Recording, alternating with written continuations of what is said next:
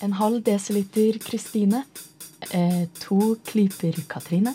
En teskje Tuva. 65 kilo Ragnhild. En haug med god musikk og en god dæsj Nova On. Putt ingrediensene i et studio. La det surre og koke i en time, for da får du en heidundrende sending av tekstbehandlingsprogrammet X Umami. Hvem er det som tramper på min bru? Surt. Det er bare tekstbehandlingsprogrammet. Tripp-trapp. Søtt. Mot mishandling. For tekstbehandling. Og bittert. Tekstbehandlingsprogrammet. Du hører på Umami. Og tekstbehandlingsprogrammet. Begge på Radio Nova. Det var veldig gøy. Ragnhild har mekka. yes, I did. Ragnhild Umami eh, Ragnhild. Og eh, du hørte i sted Umami Tuva, som eh, gjester oss her i tekstbehandlingsprogrammet. Og vice versa, holdt jeg på å si. Eh, I studio er også Kristine. og jeg er Katrine. Velkommen til alle sammen. Thank you very much. Tusen takk. Det er veldig koselig å være her på, på tidlig på morgenen. Vi pleier jo å ha sendinga enten bokstudio veldig seint på Ja. en eller annen random dag, eller ha eh, livesendinger på fredager klokka fem når vi er altfor klare for helg. Så det her var veldig forfriskende, altså. Syns du ikke det, Tuva? Jo. Eh, jeg sleit med å komme meg opp, selv om klokka er jo ti. Men eh, det, var, det var tungt for det. Det er det, altså.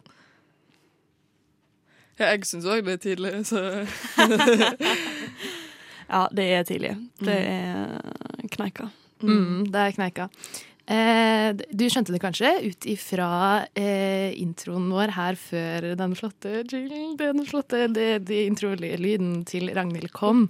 Eh, at vi skal prate om eh, der hvor eh, i Venn-diagrammet mat og litteratur møtes. Eh, blant andre ting inni der så finner man oppskriftslitteratur.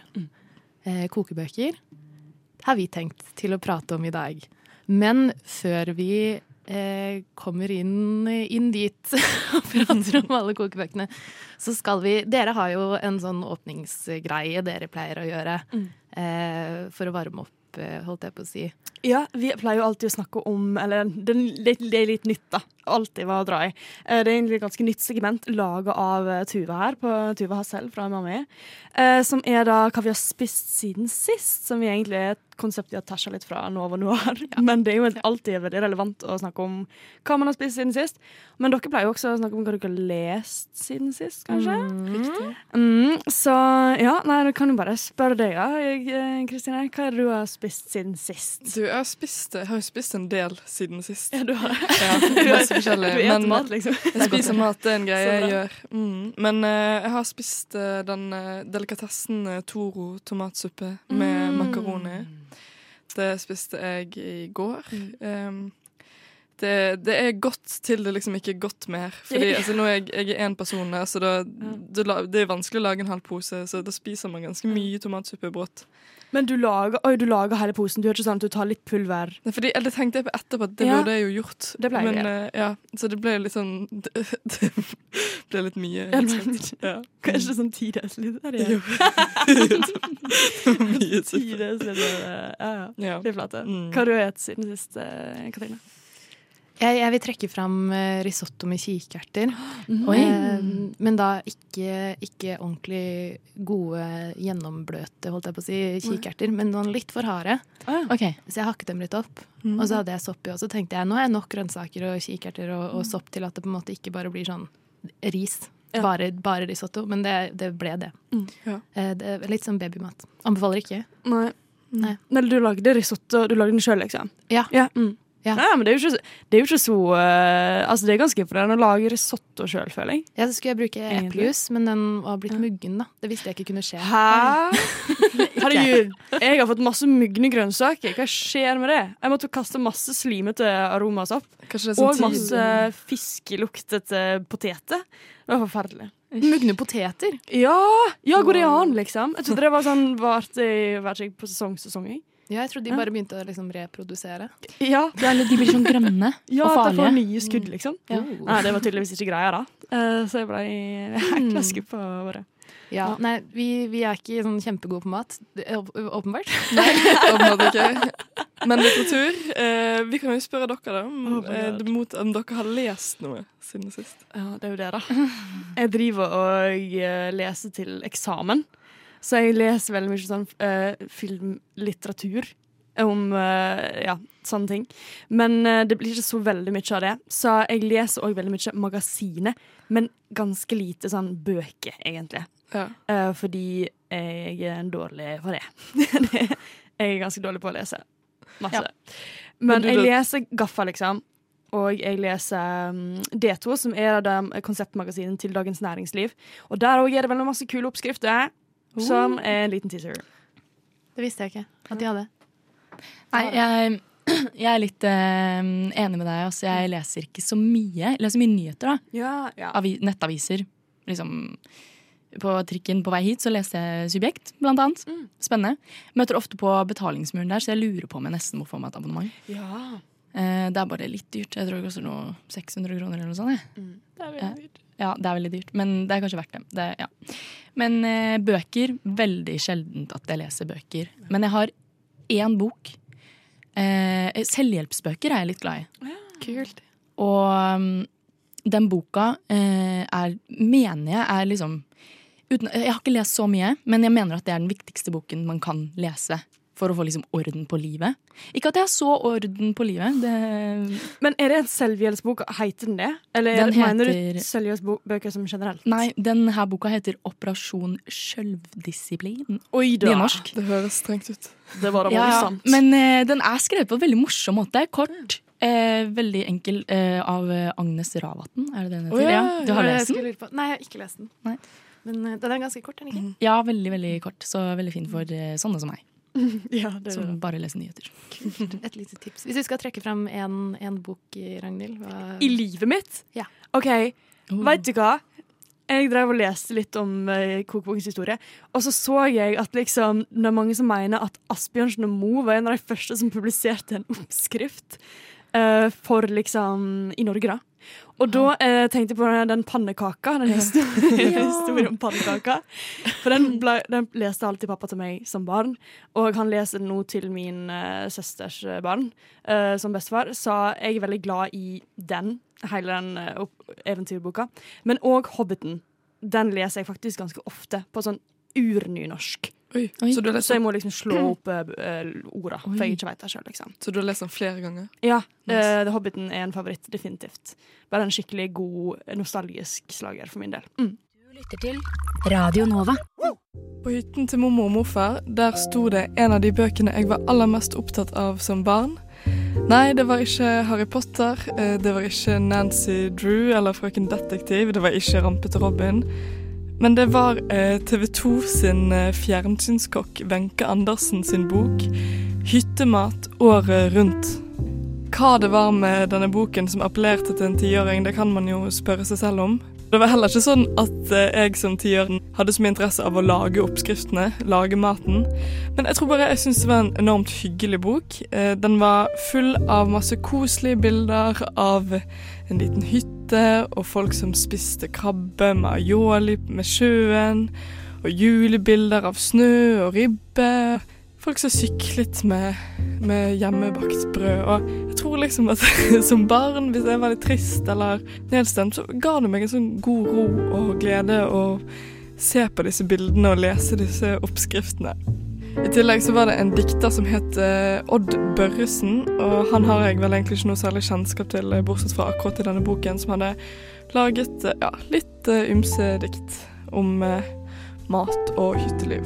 Jeg brukte altså merkelig mye tid på å bla i denne kokeboken. Gledet meg til å komme på hytten til mormor og morfar, sånn at jeg kunne se på disse bildene. Og en jul så lå altså hyttemat året rundt under treet til Kristine. Og jeg fikk den i julegave av mormor og morfar. Og nå står den i kjøkkenvinduet mitt på Sankthanshaugen der jeg bor. Jeg har faktisk aldri laget noen av rettene som står i den boken. Det har jeg tenkt å endre på, så jeg har eh, valgt meg ut en oppskrift, og den skal jeg lage. Jeg har valgt å gå for eh, rundstykker, fordi jeg tenker at det er enkelt og greit, og det er noe alle kan ha nytte av. F.eks.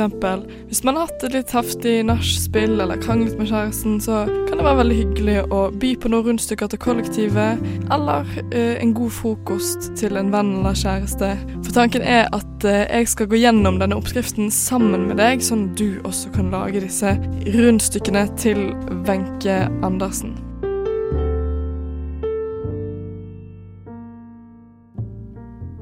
Ja. Ja, så snart blir det oppskrift. Kristine ehm, har eh, Du har et dete forhold til kokebøker. Et delt forhold? De, du har dete Ja, forhold ja, til kokebøker. ja, Uh, ja jeg, eh, jeg var veldig glad i denne boken og tenkte jeg skulle prøve meg på å endelig lage noe. Så det får vi jo, det er jo bare å følge med, så hvis man har lyst til å lage rundstykker, så kommer oppskriften om litt. Oi. Yes. Pleier du å lage mye mat eh, med kokebøker? Eh, nei, jeg gjør egentlig ikke det. Jeg, eh, altså, kokebøker for meg altså, sånn, Jeg har ganske mange kokebøker, men jeg bruker det egentlig mest til sånn hvis jeg er litt trøtt på kvelden og trenger å sove, for å få sånn ro. Så jeg, eh, jeg vet ikke helt, det gir meg så ro å bla liksom se på disse oppskriftene. Det er veldig sånn konkret og Ja, så jeg, det er mest for meg som en sånn Ja, få litt ro. Mm. Dere er mat, eh, matfolket. Oh, matfolket, ass. Ja, Hva er deres forhold til kokebøker? Bruker dere dem? Tuva? Bruker du mye Jeg tror, jeg tror du, eh, Kristine, har flere kokebøker enn meg. Eh, selv om jeg liker å lage mat, så liker jeg å ha veldig god selvtillit på kjøkkenet. altså, eh, Ja, det er Ja. samme her. Det er samme her, altså. så eh, jeg liker å tro at eh, oppskrifter, ja, det klarer jeg meg uten. Og hvis det er sånn at jeg, jeg trenger noe innspill, så ser jeg eller uh, hører på oppskrifter på da, YouTube, TikTok. Og så liksom får jeg et overblikk, og så freestyler jeg egentlig derfra. Mm. Syns dere det er litt nederlag å bruke oppskrift? Ja, Okay. jeg syns det. Eh, men jeg har òg tenkt at jeg har veldig lyst å bli bedre på matlaging. Og da burde man jo egentlig kalkulere seg gjennom klassikerne og få skikkelig sånn Sånn skal du gjøre. Og så kan man freestyle etter det, da. Ja, Det er jo ikke alltid det går så veldig bra. Eh, jeg prøvde meg på en banan, eh, et bananbrød. Skulle til og med skrive min egen oppskrift. Min første oppskrift ever. Eh, og det bare Det var fiasko, altså. Altfor mye selvtillit på kjøkkenet. Og en veldig kompakt Et kompakt eh, bananbrød. Ja, er det noe man liksom aspirerer eh, mot når man eh, er interessert i mat, og skriver sine egne oppskrifter? Altså, jeg, jeg har jo skrevet litt av mine Jeg har jo skrevet litt oppskrifter. til liksom Jeg har vært litt sånn TikTok-matlager. Ja. Så jeg har liksom en Instagram-konto der jeg publiserer mine oppskrifter til det jeg lager. Men det er på en måte aldri noen exact measurements, fordi at uh, hvis folk skriver sånn How many pieces of uh, How much salt? Og så er jeg sånn Measure with your ass. I don't know. jeg bare jeg, jeg tenker det at liksom jeg, eh, jeg nekter å skrive sånn Jeg spiser seg det, en, en teskje det. Men så har jeg en sånn peanøttsaus, da. Som jeg har liksom perfeksjonert litt. Mm. Og da er det sånn en spiseskje riseddik, en desiliter vann, soyasaus og sånne ting. Sånn at liksom noen ting er jeg veldig litt mer sånn Det her burde du ha for at det skal bli best. Men ellers så er jeg veldig sånn gjennom know Bare ta oppi litt smak. Smak, Ja. smak deg gjennom det. Det er. Um, ja, Det er vel kanskje sånn man blir best til å lage mat ved å selv bruke smakssansen og prøve seg frem. det er nettopp det, Kristine. Men det er jo òg hvis man skal lage til andre, sant. Så, Ja. men, eller vet man burde jo vite hvordan det smaker mens man lager det, liksom. Ja. Men man kan jo kanskje ta utgangspunkt i en oppskrift. da, Ja, men det gjør man jo som regel. Ja. eh. Jeg gjør det ofte. Eller jeg ser, jeg ser veldig mye på sånn, Jeg er oppvokst med å se veldig mye på sånn matshows på TV, type Masterchef. Eh, Same. alle de der. Camp Culinaris er jeg veldig stor fan av akkurat nå. Det er veldig gøy. Men ja, Mm. så man tar jo litt inspirasjon her og der. Ja, fy flate. Men jeg eh, syns det er veldig koselig å lese kokebøker. Og jeg var jo på uh, Deichman, og jeg syns egentlig det er, veldig, det er veldig masse bra som man kan lese gjennom. Og, og sånn sylting, for eksempel. Hvis man skal nisje seg inn på et eller annet, så burde man egentlig ha litt kokebøker. Men det er òg Jeg syns det er litt dyrt. Eller sånn Ja. hvis jeg, hvis jeg bare sånn skal på Nordli, i denne gata ved Fretexen der, uh, den der fete Nordli-butikken, så er jeg sånn Vis meg kokebokhyllene. Og så er det jo sånn 350 for én, og da får man kanskje bare om ketsjup. Ikke. Og så vil man jo ha om uh, soyasaus òg. Eller sånn. Men bare sånn bøker er så dyrt. Ja, mm. det er vet du sikkert kokebøker de er jo veldig store. De er sånn eh, teit format. De har ikke Ja. plass i Ja. hylla di. Nei. Nei. Man burde jo ha en egen seksjon egentlig på kjøkkenet med kokebøker. Er Trenger man egentlig kokebøker? Sånn fysiske bøker? Det er, et veldig godt spørsmål. Jeg Mm. føler, nå ligger det jo så mye ute på nett og sånt at Ja. man vil alltid kunne finne en oppskrift. eh. Mm. Men det er noe med, altså, jeg syns jo det er litt sånn hyggelig da, å Ja. ha den boken oppslått. Altså, at det gir en litt sånn egen stemning, eh, kanskje. Det er jo det. Og det er jo òg Kanskje man mister noe av den der tradisjonelle Noe med kulturen vår, da, hvis man på en måte bare leser de nye fancy oppskriftene som er oversatt fra engelsk fra Amerika. Sånn. Ja. Uh, så jeg tror man mister noe av det hun Ingrid Espelid Hovig drev med, liksom. Jeg vet ikke. Jeg tror kanskje vi eh, Ja, jeg vet ikke. Jeg tror kanskje vi mister en, en del av norsk kultur hvis vi, eh, hvis vi kasserer alle kokebøkene våre og uh, ikke kjøper dem lenger, liksom. Ja. Mm. Vi skal dypere inn i kokebokens uh, kulturhistorie historie, Mm. Uh, snart. Mamma, pappa, jeg må fortelle dere noe. Jeg hører på tekstbehandlingsprogrammet. Og umami for anledningen. Det er fortsatt eh, meg, Katrine, og eh, Kristine fra tekstbehandlingsprogrammet her i dag. Og fra Umami har vi fortsatt Ragnhild! Og Tuva. Yay. Og du, Ragnhild, har eh, satt deg litt inn i eh, kokeboka. Ja. Eh, jeg pleier å sette meg godt ned i kokeboka altså, når jeg først skal, eh, skal ha på meg den. Altså. Nei, jeg har jo eh, søkt litt rundt. For det første så for jeg altså da rett og slett til det fysiske biblioteket Deichman her på Majorstua. Eh, og der er det Altså, det er jo, det er jo mye mindre enn uh, Deichman i Bjørvika. Og seksjonen der med kokebøker, det er bare en liten reol, da. Eh, men bare i den lille reolen så var det helt utrolig mye forskjellig. Jeg ble helt uh, sjokka, altså. Jeg, har, jeg fant uh, alt fra sånn mat som medisin og uh, slankebøker Mye slankebøker i kokebokverden.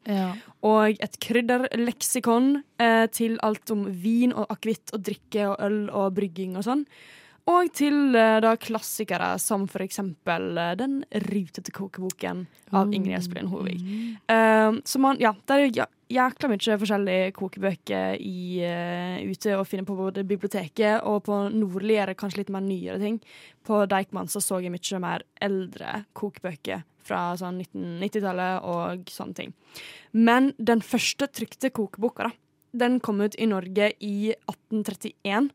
Og uh, det var liksom i begynnelsen av kokebokhistorien så var det mest sånn der husholdnings- og kokebokbøker. Så du fikk ikke bare en innføring i hvordan lage kjøttkake. Nei, nei. Du fikk innføring i at du skal ikke ete hestekjøtt, for eksempel, og du skal vaske klær på 60 grader, eller sengetøy, for eksempel. Sånne ting, da. Så husmorgreier, liksom? Husmorgreier. Ja. Det var ikke bare, det var ikke bare mat, det var altså en livsstilskokebok for Wow. husmora. For ja, kvinner skulle være på kjøkkenet og eh, drive og drifte gard og eh, ja, alt mulig greier. Sant? Så de må jo, vite, må jo vite hva de er på, liksom. Kjenner du et par som kanskje kunne trengt en sånn bok nå? Ja, jeg En tenkte sånn på det samme. eh, sortere klærne, fargene og Ja, så og så jeg, grader. jeg skjønner det jo, da. Sånn Mhm. 1830-tallet og også eh, Ja. lenge etter det, og også for så vidt i dag litt. Men ikke helt bøker. Kjempedyrt. Så at du da, om du først skal ha én bok, at Mhm. den bare har alt. Og så kanskje et bibelvers også inni der. Den hette, den ja, den første oppskriftsboka Den heter Husholdnings- og kokebok. Så det var liksom egentlig Det er jo to forskjellige ting, men det var på en måte Det er ikke bare matlaging, det er også råd om hus og gård og liv. Hva vil være dagens på en måte eh, Svar på det her. eh, Ja. Fattig student? spørsmål. Ja, det er litt fattig student, men samtidig så føler jeg at eh, da burde man Ja, man burde ha noen klesvask oppi der. Det er veldig mange eh, Altså, jeg hadde en roomie en gang som bare Ja. pjåta oppi med, med Omo, liksom, og visste ikke hva hun holdt på Det med. var skumma Så det liksom. over, Ja. ja. ja, ja. Det var helt krise. Så Det det er er veldig mange som ikke veit hvordan man uh, steller huset, altså. Jeg føler at sånne type bøker nå er ofte veldig sånn retta inn mot én spesifikk ting. Og det kommer jeg til. Ja, Fordi kokebøkene før, sant? det var jo det her. Men nå, eh, som med alt, da. eh, Det står jo her veldig morsomt på digitaltmuseum.no. Men det er jo sånn med alt. Det er veldig spennende i begynnelsen, og så har det gått en stund, og da er man lei om kokebøkene. Og det er jo det som har skjedd, da, at nå kan man få en nisjete kokebok om eh, potet, om kaffe, om ketsjup. Eller om- Som i Kari Jakkesson sin bok. Hæ? Kari Jakkesson har en bok om Ketchup. ketsjup. Ja, apropos kjendiser og kokebøker. Jeg Ja. googla kjapt eh, før jeg kom inn i studio her, eh, kokebok. Og det første som kommer opp, er da Mats Hansens kokebok. eh, nei rare matkombinasjoner. Det er altså et marked for alt eh, hvis man Ja. vil gi ut en eh, kokebok. Det skal ikke være så vanskelig. Det er jo det, da. Og nå kan man jo også få veldig masse oppskrifter i én bok. Eksempel sånn som vegetarretter eller salater. Og liksom du får du på en måte Hvis du kjøper en bok om salat, så plutselig er du en mester på å lage salat. da. Eller på en måte nå kan du også få veldig mye sånn eh, kinesisk uh, mat i det norske kjøkken. Jeg vet faen. Uh, og så har du også veldig mye asiatisk. da. Asiatisk er jo blitt veldig populært, så det er veldig mye av sånt f.eks. på Nordli og Ark og sånne vanlige eh, ja, kokeboksjapper, holdt jeg på å si. Men den rutete kokeboka, det er jo en slager. Og den har vi med, den har vi legd med da, den nye rutete kokeboken av eh, Ingrid Espelid Hovig, vår hele Norges matmor, som mm. gikk bort i 2018. Uh, og eh, den har da uh, kommet ut i 81, var det det vi fant ut? Første Ja, gang. Ja. Første utgave 1981. Ja, og den her uh, vi har med i studiodagen fra 95. Og her har du altså Altså, det har òg skjedd noe visuelt med kokebøkene. Ja, jeg har aldri sett en så tjukk versjon av den kokeboka der. Den her er svær. Ja. Den er svær, og det er jo på en måte Den her skal liksom hjelpe deg gjennom alt. da Den skal liksom gi deg alle oppskriftene. Ja, her har du hvitløksgratin til snegler og alt mulig. sant? Eh, både alt fra fisk eh, til kjøtt til eh, vegetarretter. Og litt Og om veldig mye dessert. gluten og laktose. Og, En halv side, faktisk. Ja, en halv, halv side. En halv side av sånn 600. Ja, Men er det sånn at- mm. Er det sånn at dette er den eneste boken man egentlig trenger, da? Det, hvis, ja, det er veldig mange som mener det. Eh, jeg tror ganske mange eh, husmødre har akkurat den boka her. Som er, det er en staple i norske husholdninger å ha den boka her. Og jeg syns definitivt at eh, alle burde sjekke den ut, altså. Fordi den er, det er en klassiker i kokebokverden. Det er, det er den originale norske kokeboka, tror jeg. Det er det. Eh, man kan godt si det, altså. Men i dag også, man trenger jo ikke en kokebok hvor man kan slå opp i alt, fordi vi slår jo bare opp på internett. I know, Ja. det er det. Men, Men det, det er et eller annet med å lese liksom, og ta seg gjennom denne kokeboka i, sammen med Ingrid. Jeg føler liksom, Da er man på en reise sammen, Ja. og hun har jo testa ut de greiene her, og hun veit liksom hvordan det skal gjøres ordentlig. da. For hvordan skriver hun? Er det, har hun et sånt eh, litt gøyalt språk? Hun Eller er det har jo et visst lingo, og det Ja. vet jo du som har laga en liten En liten, uh, en liten quiz? til senere. Oh, ja. Um, men det er jo som regel, sant Det er ja, en, en ja. Det, hun skriver veldig sånn Gni fisken med sånn eh, Klipp matpapir i store rundinger. Riv av store Hun liksom tar deg veldig gjennom det. Og til slutt så får du et sånt serveringsforslag da Mm. um, i kushi. Serveres med kokte poteter og en blandet salat av kinakål og gulrøtter. Og Også da du i gang. drikkeforslag har hun med. Ja. Enten eh, vin eller isvann, leste jeg. Her- ja, Isbiter var revolusjonerende på 80-tallet. Så det, er, det har skjedd eh, mye i kokebokverdenen, og nå er det jo òg veldig mye e-kokebøker. Og som eh, du sier, da, vi slår jo veldig mye opp på internett. Og det er veldig lett, egentlig, å gi ut en Det er jo en ganske grei ting å sjøl publisere, som du sier. Uh, og ja, Så det har skjedd en veldig stor uh, endring. Men i kokebokhistorien, iallfall den norske, så er det kanskje Asbjørnsen Moe pannekaker, men det er også altså Ingrid Espelid Hovig som, eh, som skiller seg ut i den. Altså. Det er det. Hun troner på toppen. Hun gjør det. Tripp, trapp, tripp, trapp. Hvem er det som tramper på min bru? Det er ikke noe tvil, umami. Det er ikke noe tvil. Nei, det er ikke noe tvil. Det er Umami og tekstbehandlingsprogrammet. Eh, og når man først har eh, valgt å bruke en kokebok i matlagingen, så kan man jo av og til støte på eh, noen litt sånn finurlige ord. Det er ikke alltid like lett å forstå hva disse ordene betyr. Så jeg tenkte Jeg, Kristine, tenkte at for å gjøre dette litt klarere, så har jeg lagt en liten eh, er eh, munn For dere, altså. ja, både for å lære dere og lytterne litt sånn, eh, noen ord som kan være viktige å ha med seg når man skal bruke eh, kokebok. Men jeg tenkte sånn, eh, vi må gjøre dette om til en ordentlig konkurranse, så jeg tenker det er førstemann til å svare. Kanskje man kan ha en, et kjøkkenredskap som man skriker ut hvis man skal svare. Oi! eh, visp! visp. Skje. Nei. Nei, Jeg skal sånn gaffel, men det er teit. Nei, det er fint. Da. Da jeg tenke. Hva, Stavmikser. det, det, var er langt. Det er en munnfull. Men det er jo tekstmeldingsprogram òg, ja. Så okay, Stavmikser eh, på Katrine. Dørslag. Dørslag. Dørslag. Ja, OK. Ja, Den er morsom. slag på Katrine. Skje på Tue. Ja. Og visp på Ragnhild. ja, jeg ber deg sånn Å, kan jeg ta en kulere redskap? Spisepinne. Sleiv. Du vet jeg tar sleiv, ass. Okay. Ja. Sleiv Sleiv. på Ragnhild. Da kommer eh, første spørsmål.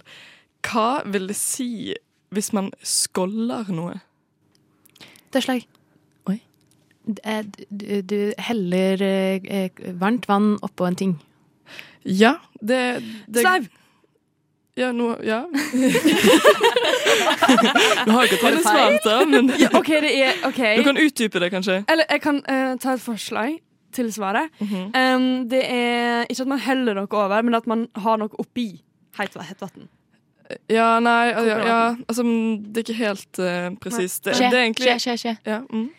For meg så hørtes det ut som å skylle noe på nynorsk. Skålla. Ja, Da Er det riktig, Ragnhild? da er godt tenkt. Men Skålla! Skål! Skålsalaten. Nei, det er, det er Katrine som er nærmest. Altså, men det er, det er å helle varmt vann over noe, f.eks. en tomat. Men f funksjonen med det Vet du hva funksjonen er? For man lunka tomat. Nei, nei, nei.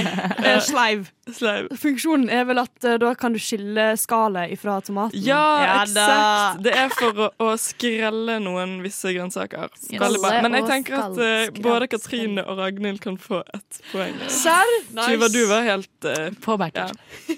Vær ærlig, OK. Men neste Hva gjør man hvis man panerer noe? Sleiv. Sleiv. Da er det da at du tar eh, mjøl eh, på fisk, for eksempel, og steiker det i panna sånn at du får litt skorpe. Stekeskorpe. Riktig. Det var fint og presist svar. Wow. OK, er dere klar for å gå videre? Ja. Men hvis man trekker noe, og trekker grønnsaker, hva vil det egentlig si? Sleiv. Ja. Eh, det er at du eh, ikke på en måte koker det, men du lar noe ligge i vann som på en måte ikke koker. Ja. Ja, så det er på en måte etter at du får det koke, for eksempel. Altså, Så må du la det trekke, ja. og det betyr at du på en måte Du skal møre det som er oppi der, eller det skal liksom godgjøre seg litt før Ja, du det- serverer det. Det vil si at du du er ganske godt inne på det. Og man varmebehandler mat, men under kokepunktet. Ja, ja, ja.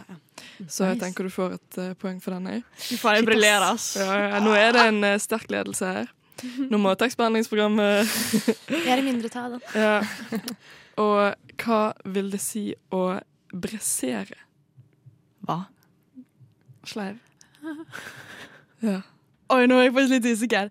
Jeg tror det betyr at um, eh, Å! eh, å koke noe Nei, det å steike kjøttet, for eksempel. Ja. Jeg, jeg, jeg, jeg, vil egentlig bare eh, Jeg tror det er noe man gjør med kjøtt, og da føler Ja, jeg på det tynt tror jeg vann. òg. Det var bare det. Hva var det du sa? Nei, jeg Det- tenkte egentlig at, At jeg er på tynt vann. Fordi jeg vet ikke. Oh, ja. Men hvis man skal lage en Man kan kanskje kuppe andre sitt svar. Det syns jeg Ok, Ragnhild, Nå er det sleiva her. Ok, kom med sleiva. Ok, sleiva jeg har. Jeg, jeg sier at det er hvis du skal lage birria tacos, for eksempel, så må du brisere kjøttet nede i bunnen av panna for å få litt sterk stekeskorpe før du har det oppi vannet. Ja, det er helt riktig. Oh my God, yes! Ah, wow. Det var litt knotete, da. Ja. Skal vi ta et uh, siste Altså, nå er du klar. Det, dere klarer ikke å ta Ragnhild igjen. Det en klar Men gi meg et halvt poeng for den da. Ja, får- Nei, det er ikke noe juks. No mercy. OK, OK. Jo, men du Ja, OK. Ja. Ja, neste. Eh, er dette siste spørsmål? Ja, vi kan ta siste spørsmål nå. Eh, så nå gjelder det å OK, og hva vil det si at noe er fingervarmt? Sleiv! Nei, skje! OK, skje da? Like varmt som fingeren, liksom. Hvor varm er fingeren? 36 grader. Nei, sleiv. Oi. 37. Ja, det skal være 37 37,5. grader. Det kommer gjerne når man baker, så, det, um, så skal man ha fingervæske, og da Ja, ja, med gjæren og vann og Ja. det derre. Ja. Mm. Mm. Ja, Så, men gratulerer, Ragnhild. Du er altså vinneren av denne kokebok-terminologi-quizen. Er Hvor det premie? mange poeng fikk jeg, kan jeg spørre? Ja, jeg mener at du fikk fem, altså. Men, eh, men, men eh, jeg vet ikke om du fikk for den brasseretingen. Fire og en halv, da. Så jeg fikk null, i hvert fall. Ja, du fikk faktisk null. Beklager. Er Sleiva jeg, sleiva jeg har på kjøkkenet. Et eget språk altså i, i disse kokebøkene. Det lønner seg tydeligvis å ha lest dem. Jeg har egentlig det. Tydeligvis er det det. Ja. Eh, når vi er tilbake nå etter en låt, så skal vi høre Kristine prøve seg på å tyde disse, dette fremmedspråk som finnes Ja. i eh, kokebøker. Hallo, mitt navn er Knut Nærum, og du hører på tekstbehandlingsprogrammet. Jeg går i hvert fall ut fra at du gjør det. Så nå er det bare å spisse ørene og følge godt med på oppskriften. Du trenger en liter melk eller vann. Det er fleksibelt, altså. Så trenger du ni spiseskjeer med smør eller olje. Det er òg fleksibelt. Man taver hva man haver. Trenger du 50 gram gjær. Da er jo det våt gjær, men man kan sikkert bruke tørr. Da blir det ikke 50 gram riktignok, men en pose. To og en halv teskje salt, to spiseskjeer sukker, 200 gram havregryn, 300 gram samlet hvete, grov eller fin, og 800-900 gram hvetemel. Da er det bare å finne frem disse ingrediensene og ta på deg favorittforkleet ditt, og så skal vi sette i gang. Ja, da har jeg gått i gang. Jeg har funnet frem en gryte, og siden jeg har halvert oppskriften, så skal jeg da bruke um, en halv liter melk. Jeg valgte melk fordi jeg følte at det var liksom ikke mer usunt enn vann nødvendigvis, men litt mer sånn så litt fett i melk, og ting med fett blir jo gjerne godt, tenker jeg. Jeg har valgt uh, lettmelk. Økologisk. Sant? Det som er viktig med melk, da, er at uh, det brenner veldig fort på. Så her kan ikke man uh, stå på telefonen, så her må man være litt observant. Stå gjerne og rør litt i melken. Den skal som sagt ikke koke noe, den skal kun bli eh, fingervarm, heter det. Merkelig uttrykk at noe er fingervarmt. Hva faen er det, liksom? Jeg har ganske kalde fingre sjøl. Det betyr altså at det skal være rundt 37 grader. Det er alltid litt vanskelig å finne ut av, men eh, et godt tips er at du kan ta en liten dråpe med den oppvarmede væsken på pulsen din på håndleddet. Skal ikke den være så mye varmere enn huden din. Da finner jeg frem en pakke. Jeg har faktisk en sånn uh, melange smeltet smør, steiking og baking. Den, går ut på den er ute på dato, ja. ja. Ikke sant? Da tar ikke vi den. Slenger den i bosset. Og når du har gjort det, så er det på tide å løse gjæren opp i væske. Oi, oi, nå kjente jeg på melken at den skal bli ganske varm. Da må vi passe på. Den skal jo bare være fingervarm. Og så har jeg kjøpt fersk gjær. Det er sikkert helt OK å bruke tørrgjær. Men faen, har jeg glemt Jeg glemt det. Jeg kjøpte jo jeg, Enten så har jeg tenkt at jeg skulle gå bort og hente gjæret, eller så har jeg tror, tror jeg har stått og sett på gjæren tenkt at jeg eh, skal kjøpe det, så har ikke jeg gjort det. Åh, jeg som var så fornøyd med at jeg hadde kjøpt fersk her òg. Ingenting skal man få til i dette livet. Ja ja, da må man på butikken og kjøpe en pakke her. Da har begynt å smøre og koke. Ja, det skal jeg ikke gjøre. Da må du ta det vekk. Det var jo jævlig irriterende. OK, eh, BRB, så skal man kjøpe en pakke her. Sånn. Da har jeg vært på butikken. Sprunget på butikken og kjøpt en pakke gjær. Og er klar for å sette i gang igjen med mine, mine rundstykker. Da bare smuldrer du nedi, finner frem en gaffel og rører litt rundt, og så får du en slags sånn gråaktig saus. Etter du har gjort dette, så kan du ta alt det tørre og blande det i en bolle. Jeg brukte en altfor liten bolle og sølte masse mel på kjøkkenbenken, så bare pass på at du har en stor nok bolle. Så da lager jeg en liten sånn Dette står egentlig ikke i boken, men var, det føles bra, da. Så jeg lager en liten grop i midten. Og i den gropen heller jeg gjærblandingen sakte, men sikkert inn. Og vender inn melet. Sånn.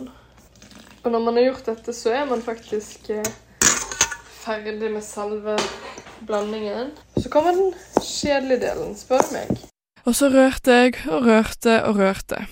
Det er jo selvfølgelig best om du har en kjøkkenmaskin. Det har ikke jeg. Eh, Det blir en liten sånn treningsøkt. Og så står det i boken at du skal røre til det blir en glatt og smidig deig. Det vet ikke jeg om jeg syns det blei. Og så står det òg at du må passe på at det ikke blir en for fast deig, for da får du tunge rundstykker. Min var overhodet ikke fast, den var nesten som grøt, så jeg måtte ta litt mer melk, eh, nei, mel i. For det må jo også være mulig å trille boller. Etter du har gjort dette, så er det på tide å heve, og da er det gått med et lunt sted, så jeg tok ovnen min på 30 grader og satte inn deigen der med et håndkle over, og så ventet jeg en time, og den, den hevet. Det var jeg fornøyd med, for eh, man vet aldri med den gjæren. Plutselig var det for varm eh, væskeblanding, og da dreper du den, men eh, det gikk altså i dag. Etter den hadde hevet, så, så, vel, så veltet jeg ut deigen på et melet bord, og knadde i vei.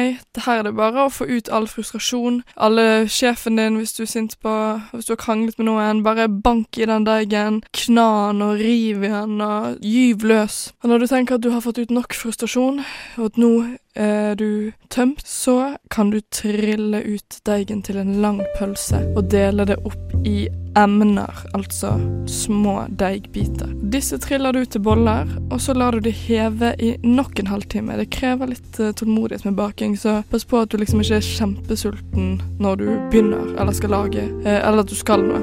Jeg var veldig sulten når jeg begynte, eh, så det måtte vente to timer var faktisk litt Det var litt nedtur. Det gjelder å lese oppskriften før man begynner, så vet man hvor lang tid det tar. Etter de hadde hevet en halvtime, så stekte jeg de i 12 minutter på 225 grader. Hvis du lager ganske store rundstykker, så kan du steke de på 15 minutter. Og så spiste jeg de Um, Det ble ikke sånn veldig bra. Altså, Deigen hevet bra i første omgang, men siden så ble det ganske sånn små, puslete rundstykker. Harde, litt sånn tørre. Ja, jeg, vet, jeg vet ikke jeg om det er jeg som ikke er et uh, baktalent, eller om uh, 'Hyttemat' av Wenche Andersen kanskje ikke er en så god bok, men um, det var altså det var altså helt sånn kjedelige, tørre rundstykker. Eh, men du kan jo prøve sjøl, se om du får til noen gode rundstykker. Kanskje det bare er mitt baktalent det står på. Uansett så har uh, hyttemat av Wenche Andersen betydd mye for meg. Det var fint å endelig få prøvd en av oppskriftene i denne boken.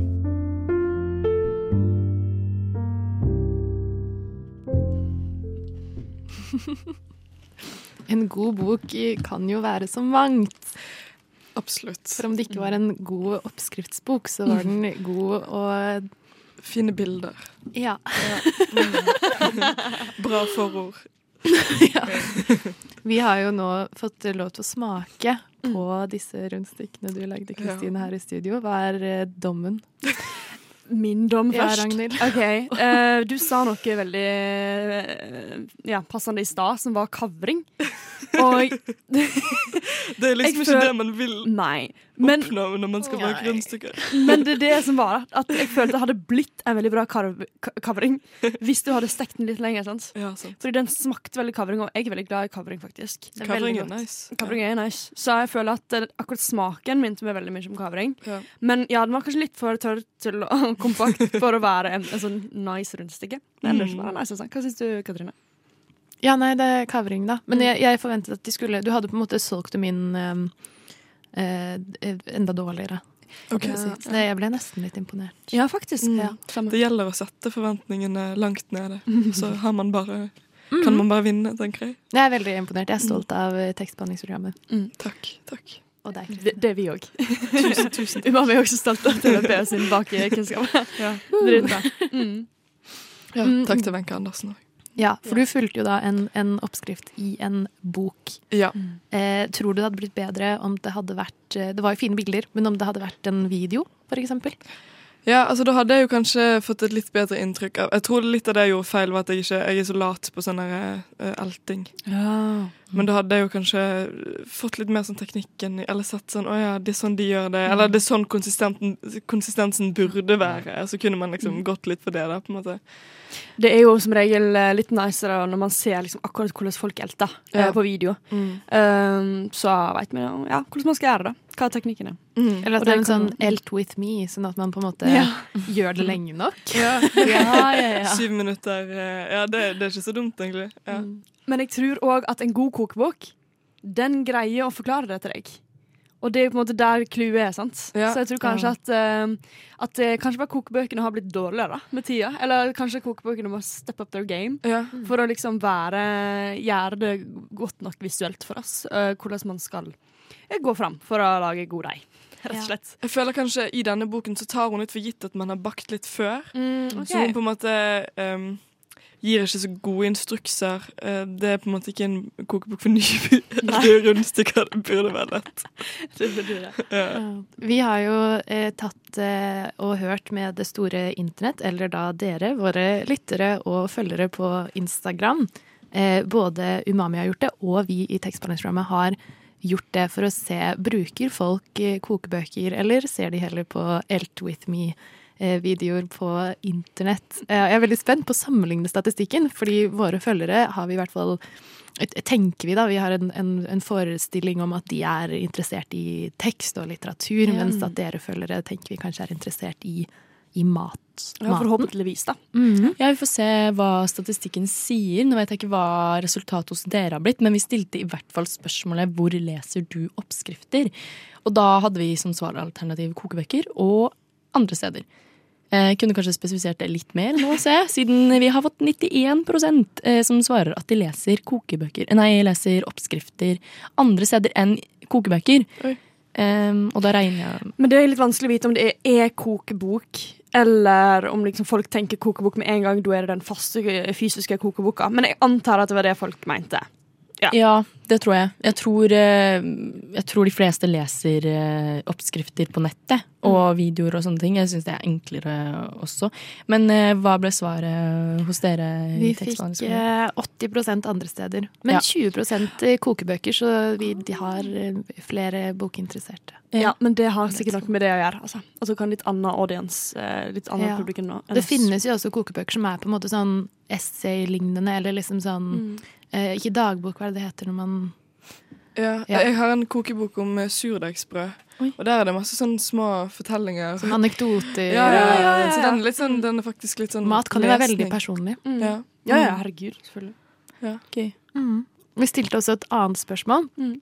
eh, som jeg var veldig nysgjerrig på. Om, om folk eh, eh, synes at hvis man har gitt ut og skrevet en kokebok, er man da forfatter?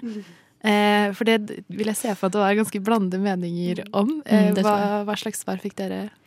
Nei, eh, ja, som du sier, litt blandede meninger. Eh, vi har en del som har svart ja, altså. At man er forfatter og man har skrevet en kokebok. 35 eh, sier det. Eh, men så har vi 17 på nei, og 48 s- eh, på det er komplisert. Så de fleste synes ja, eller at det er komplisert. Eh, ja. Hos oss er det eh, ikke flertall på nei, men det er flere. For vi har eh, Ja. 33% som sier ja. 27 sier nei. Ok. Eh, og 40% sier at det er komplisert. Så egentlig ganske jevnt. Ja, ganske likt. Mhm. Ja, Det er tydelig at det er komplisert, da. Ja. Men hva tenker dere? Jeg tenker at det eh, det sier at, at um, eh, våre lyttere, dere som hører på, er ganske um, litt pretensiøse. Nei da. Henge ut uh, radio litt der. Nei da. Nei, men altså, det er jo på en måte ja. Litteratur er litteratur. Ja, altså det skal jo være folkelig òg, på et vis. Og ikke bare sånn okay. ja. Ikke bare- Kanskje man er forfatter, da? Man er jo kokebokforfatter, da. Ja, og Ja. det er kanskje en grei måte å si det på. At da har Man liksom uh, Man er forfatter på akkurat det området, Ja. men man kunne aldri gitt ut en novelle og være sånn mm, vet ikke. Ja. Men det er ja, som Mats Hansen, da. Nå er jo Ja. han, eh, han har kanskje gitt ut en annen bok også, jeg er usikker. Men er nå er han eh, forfatter. Ja. Eh, Stå, det står nok forfatter på Wikipedia-siden hans. Ja. Kokk. Uh. ja, nei, jeg syns, jeg syns man er forfatter, jeg. Ja. mm. Jeg svarte i hvert fall ja. Jeg jeg tenker at man kan, Jeg tror faktisk at jeg gjorde det samme. Ja. at man kan bestemme selv, tenker jeg. Ja. Ja. Ja. Det er komplisert. Det er komplisert. Hvis du går hjem med noen og de ikke har bøker, ikke knull dem. Hilsen tekstbehandlingsprogrammer. Jeg bare ler av alle jinglene. Hvis du går hjem med noen og de ikke har mat, Ikke knull dem. Tines red flag. Ah, Du har eh, hørt eh, tekstbehandlingsprogrammet og Umami her eh, i dag, og vi har pratet litt eh, eh, mye løst og bitte litt fast om Vi har tatt for oss kokeboka, kokebokens historie, kokebokens statistikk fra våre lyttere, og vi har smakt på litt produkt fra kokeboksesjon fra Kristine Brustad. Og vi har vært innom litt av forskjellig, altså. Men eh, hva er altså takeawayen fra dagens eh, episode om kokebøker fra tekstbehandlingsprogrammet X Umami? Jo, det er vel det at eh, er man kokebokforfatter, så er det komplisert om man egentlig er en ordentlig forfatter, eller om man bare har skrevet en kokebok, and that's it. Og eh, ja, hva tenker du, Kristine? Hva Har du noen tips til lytteren, eller har du noen eh, Mm, ja, det er jo masse, som du sa, du var jo på Deichman sjøl, og at det finnes masse spennende kokeboklitteratur der som man kan gyve løs på. Mhm. For å sprite opp uh, kokingen. Ja, og det er mitt tips da, eh, til deg som hører på denne episoden her. Fær på Deichman, lei deg kokebok, enten du skal brygge noe øl, eller du skal eh, lage noen rundstykker, da. kanskje litt bedre enn Kristine gjør. Og så har du det, altså, for da kan du bare liksom, det er gratis, da kan du få skikkelig, ja, litt innføring i hvordan du lager akkurat den retten, og da blir du kanskje en bedre kokk. Og det er jo nice. bli en bedre kokk og bli en bedre leser. Ja. Jeg har lært hva brassere er i dag. Mhm. Ja, det har jeg òg. Brassering, og Hva mer var det? Skolding. Skolding. Skolding. Skolding. ja. Og trekke Mm. grønnsaker. Plutselig så har hun laga ei god kok, altså. Da er det god kok på Men dere, det, umami. Eh, en ordentlig intro, dere fikk vi ikke til. Nei, og det Ja, Tuva, hvem er vi? Vi er jo da Radio Novas helt egne matprogram. Vi snakker masse om mat, og mer utover det. Absolutt. Eh, og du finner oss på eh, Spotify, eller der du Mhm. hører på podkast. Men Yes. vi er også på lufta, altså. Fra fem til seks på fredager. Det stemmer. Denne eh, episoden her kan du nå eh, høre fra 17 til 18 på Radio Nova. Og eh, som podkast når vi legger ut den, da. Mm. Og eh, hvor kan man høre oss i tekstbehandlingsprogrammet, tekstbehandlingsprogrammet igjen? Dere kan høre oss på enten live på Radio Nova på onsdager fra 10 til 11, eller på Spotify, og der du hører din podkast. Jeg hører på Spotify.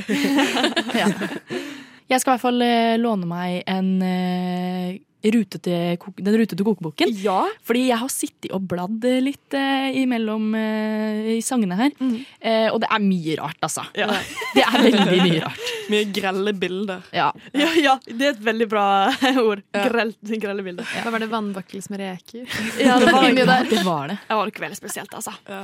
Ja. Eh, Ingrid Espelid Hovig, vi liker deg veldig godt, uh, men det er òg veldig mye rart oppi her. Ja, Og det er må utforskes. Absolutt. Så ja, ta tipset fra oss i Umami XTPP og lær deg kokebok. And get cooking and get ridden. Yes. Veldig hyggelig å være sammen med dere i dag. Hyggelig. onsdagsmorgenen. Mm, I like måte.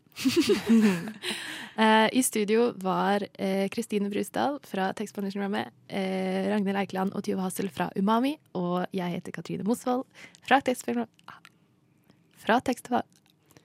Fra tekstbehandlingsprogrammet på Radio Nova. Og hadde også teknikk. Ha det! Du hørte på Radio Nova. Radio Nova. På dine favorittprogram Umami. Umami og tekstbehandlingsprogrammet.